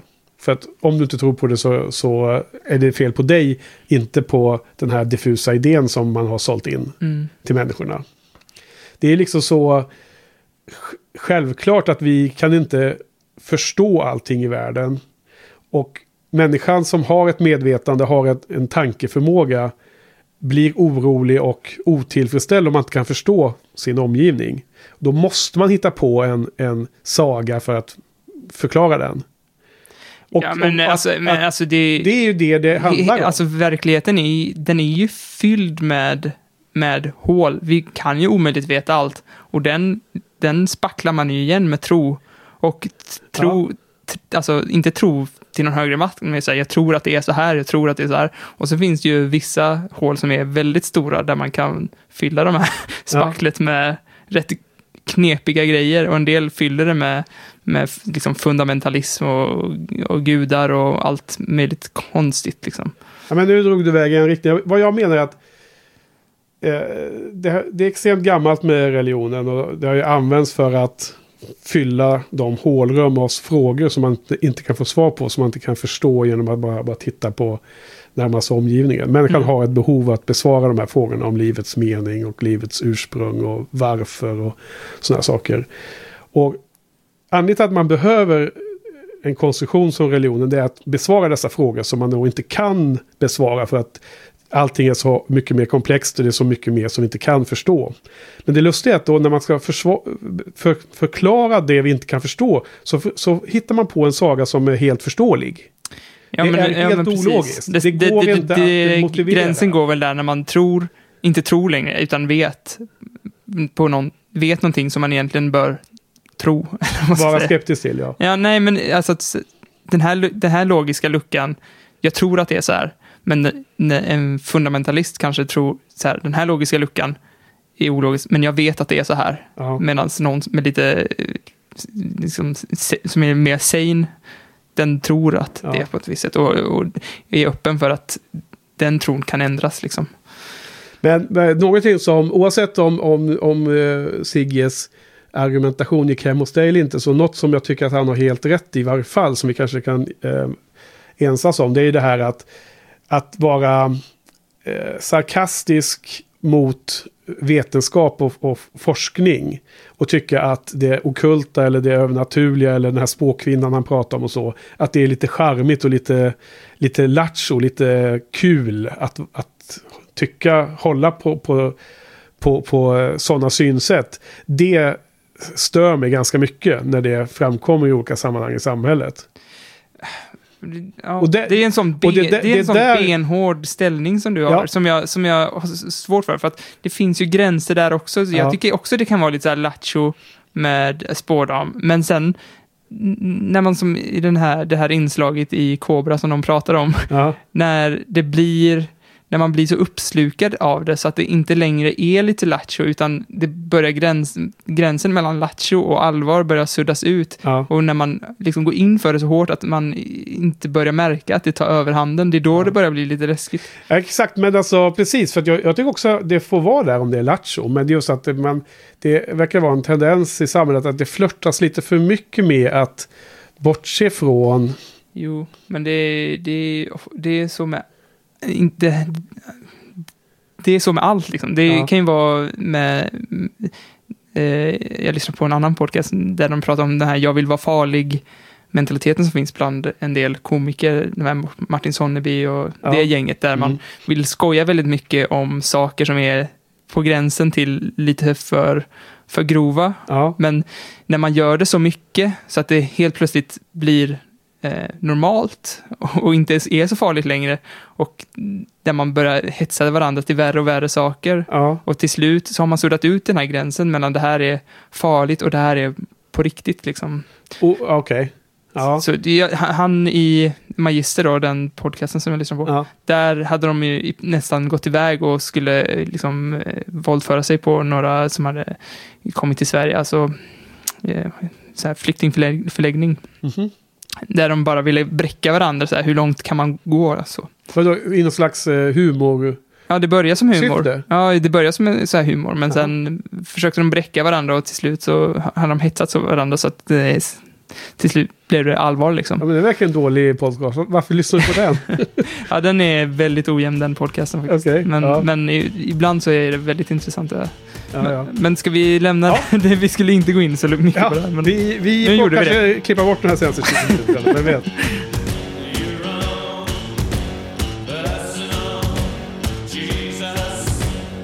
Ja, eh, vi har i alla fall, eh, vi är inne på um, Lie to Me. Och, ehm, och den här kulten ja, de här Mm. gänget som vill bli vampyrer. Eh, eh, hela, hela tematiken är ju eh, att alla i gänget eh, litar inte på varann av olika skäl.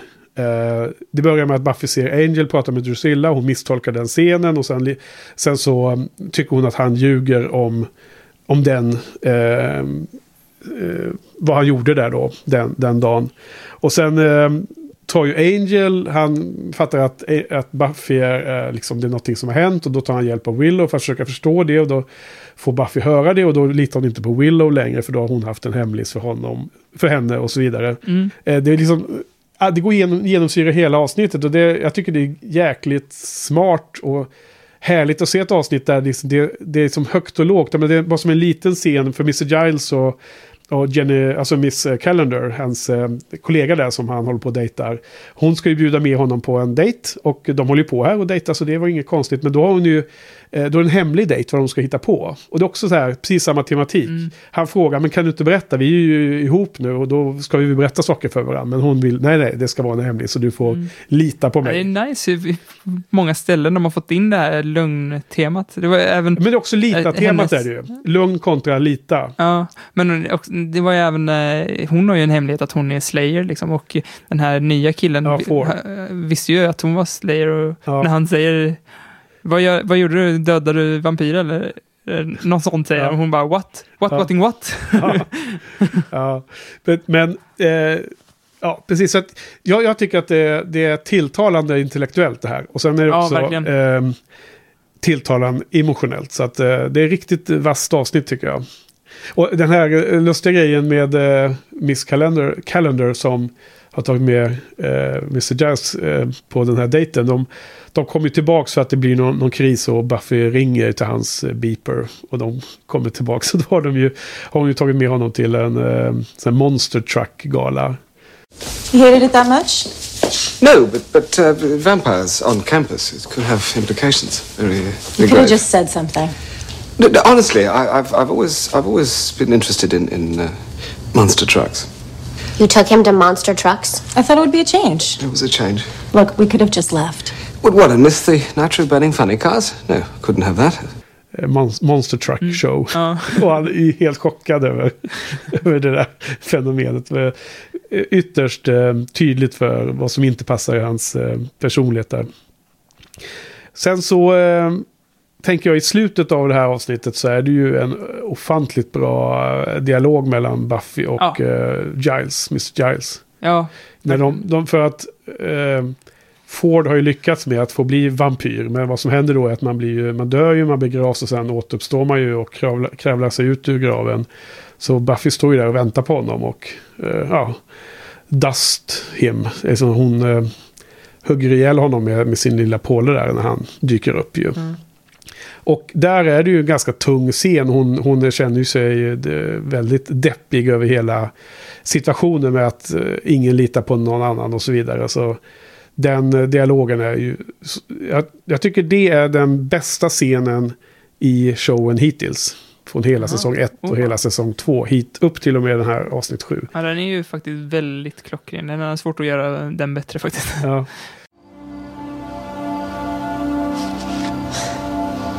I don't know what I'm supposed to say. You needn't say anything. It'd be simpler if I could just hate him. I think he wanted me to. I think it made it easier for him to be the villain of the piece. Really, he was just scared. Yes, I suppose he was. Nothing's ever simple anymore. I'm constantly trying to work it out. Who to love or hate, who to trust. It's just like the more I know, the more confused I get. I believe that's called growing up. I'd like to stop then, okay? I know the feeling. Does it ever get easy? You mean life?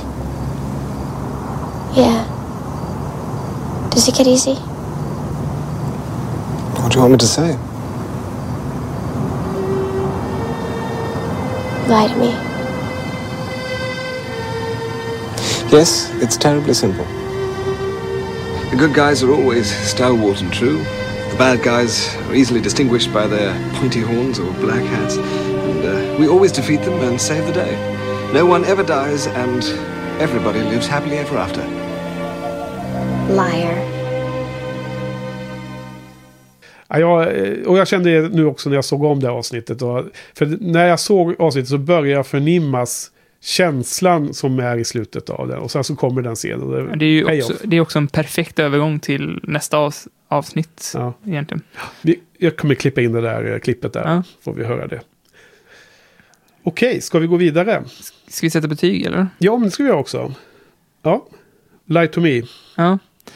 Eh, jag tror att jag, alltså, jag har varit så besviken på de för, förra sluten, liksom, för de har varit så, alltså, sluten på avsnittet har varit rätt kassa tycker jag. Men här, som du säger, är inte bara det bästa slutet på länge, alltså det är inte svårt att vara det bästa slutet på länge, men Nej. det är riktigt bra för att vara vilket avsnitt som helst egentligen. Ja. Så, men jag tror att det är uppe på en sjua och, och Ja. sniffar. Ja, och jag också. Jag har faktiskt inte varit uppe och nosat på åttan ännu. Så att jag sätter sju här också. Eh, Det känns som ett antal avsnitt som har ungefär samma eh, nivå eh, av olika skäl. Då, då. Eh, jag tycker slutet på Light to Me är eh, exceptionellt. Men liksom övriga, en del, övriga avsnittet är jättebra. Men, men liksom i samma nivå som Ja. flera av de bästa. Ja, det är bättre. ju lite irriterande det här när de introducerar nya karaktärer i början. Av, alltså de kunde planterat Ford mycket tidigare tycker jag. Ja, okej. Utan problem. För För nu Ja. blir han lite ospelat kort. Man vet inte riktigt. när man vet så här, det är någon, han kommer dö, eller så här, han kommer inte fortsätta vara med i, i Nej. serien. Det visste man ju så fort han introduceras. Liksom. Mm. Så, Ja, nej, men jag, jag sätter också um, eh, sjua. Mm. Uh, Florence, Italy. I've rented a scooter that's parked outside. I'm in a little restaurant eating ziti, and there are no more tables left, so they have to seat this guy with me, and it's John Cusack. Very impressive. You have such an eye for detail. Because with the ziti, What are you two up to? Just having a quick game of anywhere but here.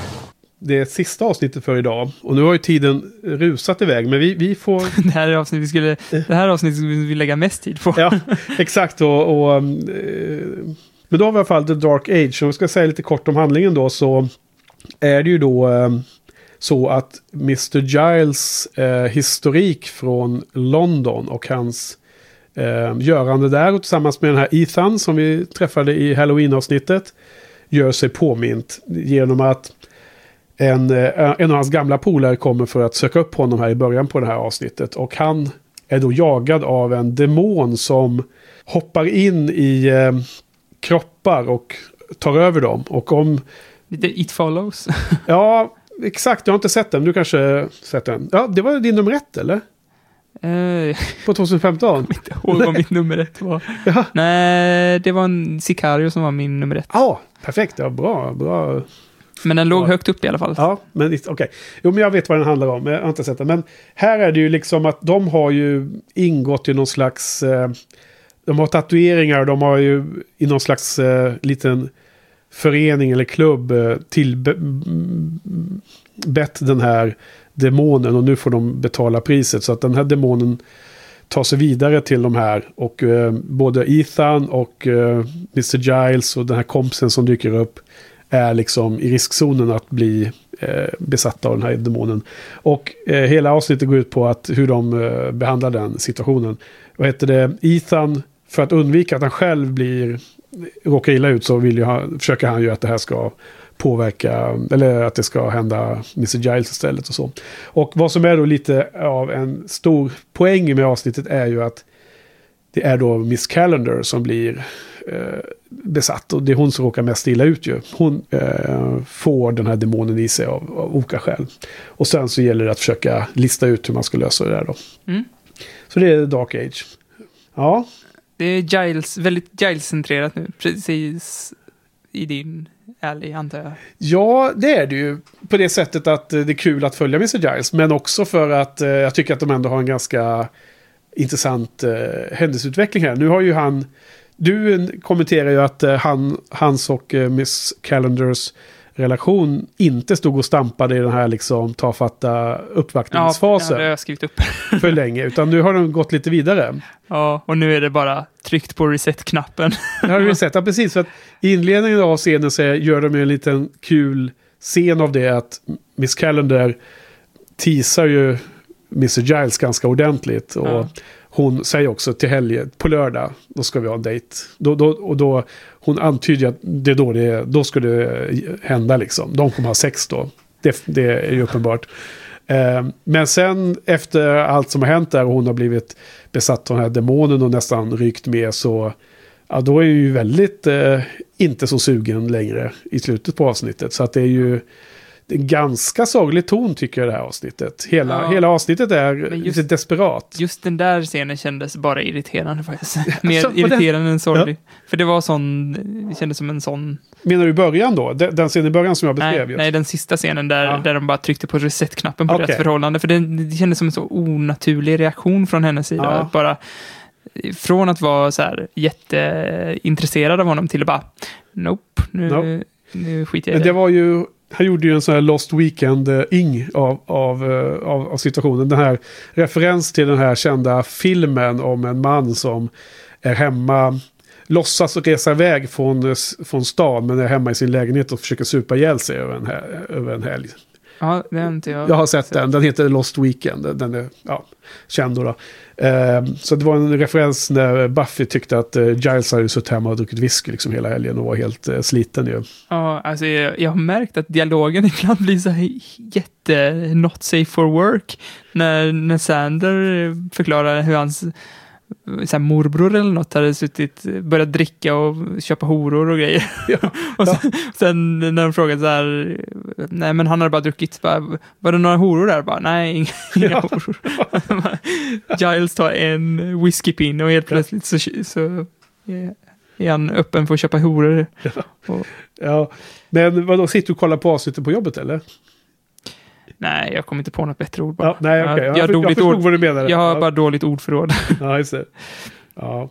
Men vad, vad tyckte du mer då? Något annat Jo. som är lustigt? ja, men eh, eh, det här är ett avsnitt som jag har tänkt mycket på i efterhand faktiskt. För att jag fattade inte med en gång vilken liksom, bra drogmetafor det är, det här som Miss, Miss Giles har här. För det, det är lite på temat eh, för att bli gammal och vis måste man vara ung och dum. Ja. Och i hans förflutna har han ju då framkallat den här demonen som är lite den här eh, drogparallellen egentligen. Ja. Att han har tagit mycket droger och, eller, ja, inte kanske droger, men något slags missbruk i alla fall. ja, just det. Ja. Och eh, att, att de som tar mest skada av hans missbruk är de som, har, som står närmast honom. Liksom. Ja, och, nu, och nu kommer hans demoner tillbaka, eh, bokstavligen, då, och jagar honom och eh, utsätter hans nära och kära för, för dumma saker. Och det är ju så himla, när man tänker på det, hur så himla kraftfullt egentligen. ja, och antagligen här, det här demonen heter ju någonting Igon. Ja, E-Y-G-H-O-N på ja engelska. precis. Jag borta. Va? Det är som en drog. Eh, I gone. Ja, okej. jag, jag borta. Ja. I gone. Ah, Okej, där har vi den ja. Eh, jag hade inte läst det högt för mig själv så jag hade inte gjort den kopplingen. Nej, men det, det, det är också en sån grej som jag inte fattade först.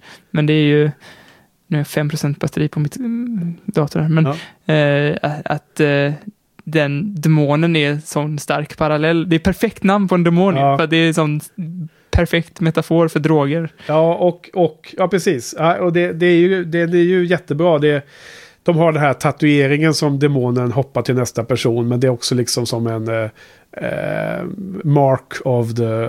Alltså, som ett märke, en märkning som eh, missbrukaren då bär. Fast det är osynligt i vanliga fall då liksom. Mm. Och att liksom dra åt sig den här olyckan liksom. Om man låter sig övervinnas av den här demonen. Typ så här. du b- borde se It Fol- Follows faktiskt, för att det är väldigt likt It Follows, men i It Follows så är demonen så jävla mycket läskigare, för här, i det här avsnittet så är det en riktigt dålig demon alltså, för att, Ja. för att man tror ju bara att det är en slapp zombie först som kommer och går där. Ja. Man, eh, man tycker inte alls den är läskig. Nej. Det är ju, Nej, alltså det, det är inte skräckmoment i den här tv-serien så himla mycket. Det finns väl kanske sen, eh, senare avsnitt där det är en jäkligt creepy stämning.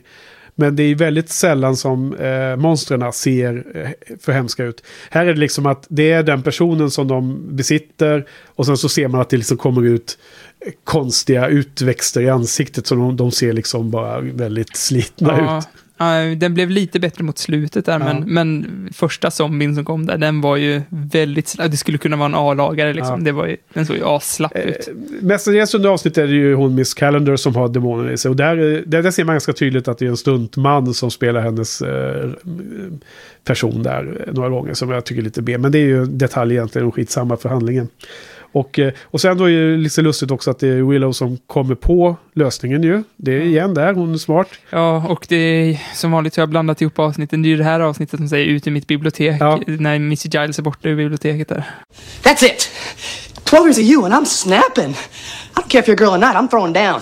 Come on, I've seen you fight. And don't think I can't take you. give it your best shot. Hey! We don't have time for this. Our friends are in trouble. Now we have to put our heads together and, and get them out of it. And if you two aren't with me 110%, then get the hell out of my library. We're sorry. We'll be good. Ja, men det här, ja precis. Ja, men det, det måste vi bli förlåtna över för det är så himla många avsnitt man ser här. det är ju liksom nedsidan av att inte ha en, ett podcastavsnitt per, per Ja. avsnitt verkligen. Men, men det funkar inte logistiskt. Men eh, vad heter det? Eh, jo, hon kom ju på det att vi lurar in, alltså demonen hoppar över till någon som är eh, död eller eh, avsvimmad. Mm. Eh, den kan inte hoppa över till eh, personer som är helt vanliga och medvetna. Så att vad de gör är att de, eh, när demonen känner sig hotad i en kropp så hoppar den över till någon då. Och då, då så har hon kommit på att om, om vi låter den hoppa över till Angel, som då uppfattas som en död kropp då liksom. Jag fattade det som när jag såg att det bara var ren slump att den hoppade in i Angel. Nej, det var till, jag, jag fattade det som att Willow tänkte ut den lösningen. Därför Mm. att i Angel finns det ju en demon. Det är ju själva poängen. Han har ju en demon i sig. Det är som alla vampyrer får en Mm. demon istället för den mänskliga själen. Men han har både en demon och en... Ja, han har fått, fått sin mänskliga själ återinförd via den här eh, besvärjelsen från eh, CMR-flickan där, familj. Men eh, så att när den här Aegon hoppar in där, då blir han ju, får han ju sin, eh, Då försvinner jaget. då, då får han ju sin butt kicked rejält av, av Angels demon. Så Ja. han, han blir ju snabbt utkastad och då blir han förintad till slut. Då, då. Så slutet gott, allting gott. Men jag tycker hela avsnittet där har en ganska sorglig ton. Inte Mm. bara liksom scenerna mellan Mr. Giles och Miss Calendar, utan don't think she'll ever really forgive me. Maybe she shouldn't. Maybe you should. I never wanted you to see that side of me. I'm not gonna lie to you. It was scary. I'm so used to you being the grown up, and then I find out that you're a person. Well, Most grown-ups are. Who would have thought? Some are even uh, short-sighted, foolish people. So, after all this time, we finally find out that we do have something in common. which, apart from being a little weird, is kind of okay. Hela tonen börjar liksom ändras lite. Eller Ja. känner du det? Vi, ja, men jag, jag tänkte, alltså jag trodde ju att det här avsnittet skulle bli mycket mörkare än vad det blev. För, för att både, både du och andra så här, som jag läst om har ju sagt att det kommer bli mörkare. Ja. Och eftersom de har byggt upp Miss Calendar som om att eh, hon ska liksom... Jag var helt övertygad om att hon skulle dö i slutet. För eh, hela den här grejen att han var the, Ri- the Ri- Rip, Man har ingen aning varför han heter The Ripper, men Ja. så här, hela hans mörka sida. Det, hade det varit Breaking Bad, då hade ju hon dött liksom. Det hade varit nice för ändå faktiskt. Det, hade väl egentligen varit en helt annan serie då, men... Men, Men hur menar du då? En helt annan serie? Ja, det hade ju fått en helt annan ton egentligen om, om hon dog där. Ja. Alltså, en, en, bara en, kort spaning var det här märket som de hade. Det påminner väldigt mycket om Fullmetal, jag vill bara knyta an till det som Ja. Fullmetal Alchemist-grejen. Ja, ja. För det, där knyter de ju själen till en symbol, liksom. Som eh, Alfons Elric i Fullmetal Alchemist, hans själ, eller hans, hela hans kropp blir förstörd. Så att de knyter hans själ i en rustning med hjälp av en symbol som är ganska lik, jag för mig, den symbolen som är med här faktiskt. Okej. Eh, så, så det var Men när, när är den serien ifrån? När är den gjord då? Ja, den är, ja, men det är nog fan där i krokarna tror jag. Slutet 90-tal? Ja, Ja. Det här är ju hösten 97. De här avsnitten. det kan hända att någon har blivit inspirerad av någon där. Men, eh, nej. Jag, Nej. Nej, Jo, men då- just det. En parallell till där med, med att knyta själen. De fångar in Buffy, eller han, Ethan fångar in Buffy för att och tatuera in den här symbolen på henne. Ja. För att eh, knyta demon... Eller, Ja. ja. Får Och- demoner hoppa in i hennes kropp. Ja, och då är, då är ju lite som det här Jesus-temat, att hon sk- ska offra sig för, för de andra. Ja, han, han vill det i alla fall. Ja, att hon ska Ja. göra det. Jo, men det, och det talar ju för att eh, ändå att eh, eh, Joss har tänkt på den parallellen då Den i alla fall. återkommer om och Ja, igen. Ja. Så Ja, det är inte helt precis. omöjligt att han liksom har haft lite inspiration från Bibeln där. Ja. Världens bästa bok. Ja, precis. Nej, jag sitter här och har blivit helt snuvig plötsligt för att, på grund av whisken. Så att därför har jag helt, helt plötsligt blivit täppt nästan. Men eh, okej, men wrap it up här då. Ja. Jag, jag tyckte väl att efter mm, sexan och sjuan då, Halloween och Light to Me som var eh, höjdpunkterna för de här fyra avsnitten så tyckte jag att det, dipp, det gick ner lite, lite. Det var nästan lika bra men inte riktigt lika starkt tyckte jag. För, så jag, jag ger det en sexa det här. Ja, jag kände fan likadant. Men sen så har det växt lite på mig så här i efterhand när jag liksom började tänka på alla de här parallellerna som fanns. Ja, Men samtidigt, alltså slutet blev jag irriterad på att de bara tryckte... Det här är ju mer Monster of the Week nästan. Att ja de bara... det blir det Ingenting. när de behandlar slutet så att Ja, Mr. Giles hade ju för sig värsta karaktärsutveckling, men alla andra var ju bara reset. De var Ja. tillbaka när de började, speciellt Miss Calendar. Ja, alltså för att, okej, värsta karaktärsutveckling. Man får se honom gå ner sig och bli, dra sig tillbaks inom sitt skal och börja skylla på sig själv. Börja supa hårt och börja bli liksom helt men, menlös för att hjälpa till med lösningen Ja. på problemet. Men jag tror också i och för sig att det här är, har, har varit en ganska stor utveckling, eller ett stort steg för Buffy och hela den här, för Giles, Mr. Giles har ju varit som en fadersfigur för henne. Ja, Och nu känns det som ett, ett kliv från att vara barn till att bli vuxen ja är ju att upptäcka att ens föräldrar också är mänskliga. just det. Och eh, det fick ju Buffy, nu i det här avsnittet kändes det som att nu fick Buffy eh, reda på att Miss Giles också har varit, Ja. att, han också är en Det människa. måste vara en väldigt obehaglig känsla för henne att, att se att sin watcher är eh, svag på det sättet. Ja. Mm. Jag, jag, jag, en annan kommentar innan vi avslutar med ditt betyg där. ehm, jag, jag tycker att lite Light to Me och det här hör ihop lite för att det tematiskt går in i varandra. Mm. Och att i båda de här avsnitten så ser vi nog en liten del av det här eh, bondingen mellan Mr. Giles och Buffy som vi pratade Ja. om i första säsongen. Att det saknades där. Eller hur? Ja, men det, Ja, här, det är flera precis. scener där de liksom eh, de har väldigt bra scener Det var ihop. det jag glömde förut också. När, när, när, I slutet av förra avsnittet, de säger, när Buffy säger lie to me, och så Ja. säger han den här harangen om att, Att- allt kommer bli bra, Ja. allt, alla demoner, kom, du kommer döda alla demoner i slutet eh, och alla kommer leva lyckliga alla dagar. När han avslutar så, Ja. och eh, det la också upp till att Miss Calendar skulle dö i slutet tyckte jag. Ja. För, det, Du fick en var, för, förvarning. Ja, men det var som en uppeggning till Ja. att nu kommer att något, något hemskt hända. Liksom. Ja. Men det, och det var ju mörkt, men jag trodde att de skulle gå hela vägen där. Ja, ja. ja okej, men jag gav mitt betyg 6 av 10. Vad sa du då? Kom du till skott där? Ja, ehm, fan, den är svårare. Det är ju en sexa eller en sjua alltså. Nej, jag Ja. säger en sjua fan. Just för att det har vuxit så mycket efteråt Ja. och du har tänkt på det. Ja, men det är ju ett starkt betyg till en tv-serieavsnitt tycker jag när man eh, kommenterar det. Att man har tänkt mycket på det efteråt. Ja. Att man har sett liksom... Eh, och jag, jag tror ju att eh, nu har vi inte sett om det avsnittet ikväll här ju. Som Nej. vi ibland gör. Nej. Lite beroende på vilken tid vi kommer igång. Men då kanske det hade vuxit ännu mer ju, Mm. för dig om du har sett om det. För då får man ju den här eh, insikten på dialogen. Man, man, man ser saker tidigt i avsnitten som Mm. knyts an till slutet som man inte lade märke till när man ser det första gången. Ja, precis. För det tänkte jag också på att... eh, Jag tror att det var Lie to me... Nej, det var, det var det här avsnittet faktiskt. Ja, När i början så säger de, pratar de om Mr. Giles, att han är så himla vuxen och att, att han eh, aldrig varit barn. Han till och med hade tweedblöjor på sig när han var liten. Ja. Så, och sen nu fick han ändå visa att han också har varit ung och dum. Liksom. ja. just det. Ja. Okej, vad, vad bra. Mm. Men du, då ska vi eh, börja blicka framåt då. Nästa, nästa avsnitt av podden, då är det fyra nya episoder. Mm. Som är då nummer 9 till 12. Mm. Och eh, först och främst kan vi säga det att på grund av eh, Stockholms filmdagar som är eh, nästa vecka. Mm. På den vanliga eh, poddinspelningstiden för oss. Så kommer vi spela in podden några dagar före.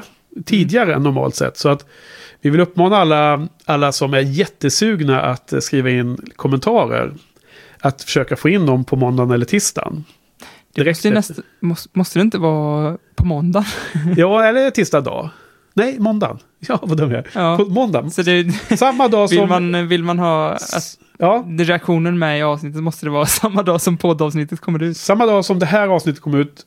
Skriv era kommentarer så kan vi behandla dem i, i nästa avsnitt. Ja. Ja, det hade varit nice. Eh, Buffypodden.se. Ja. Har du en mailadress också? Så kan man kan mejla till om man inte vill vara... ja, alltså om man vill. Vi har inte... Har vi någon mailadress till Bu- Buffypodden eller ska vi ta till min eh, blogg? Ta, ta till det. Jag har för mig att du skapar en, en gmail-adress. Ja, just det. Men eh, Buffypodden eh, at eh, gmail.com. Vi skriver ut den i show notes också för Ja. avsnittet. Det kan vi göra. Så kan man mejla där. Så var det ju. Precis, det gjorde jag. Eh, vi har inte riktigt eh, lobbat för den ännu. Det har vi glömt av. Nej, men Ja, precis. Vi får lägga ut den. Och glöm inte heller att, eh, in, att ogratta Niklas på hans födelsedag. Ja, på nypa en hårt i stjärten. Ja, nästa gång så är det de här fyra avsnitten. Dels har vi det säsongens första riktiga dubbelavsnitt. Mm. Som är nian och tian, de två första. Det heter What's My Line, Part 1 och Part 2. Är det en knarklina då eller? Nej, det tror jag inte riktigt. Det är bra mycket hän, eh, ut, eh, alltså storyutveckling som sker då. Ja, förvarna om. Och sen har vi två avsnitt till. Ett som heter Ted och sen ett som heter Bad Eggs. Så ehm, Det här var ett jävla avsnitt då. Långt så in i helvete. det här. Ja. Ja, den här inspelningen ja. Ja, Ja. precis. Vi vi- ska avsluta. Ska vi tacka för oss? Tack Johan. Tack Egge. Tack Jos. Tack, Tack för Jos. oss.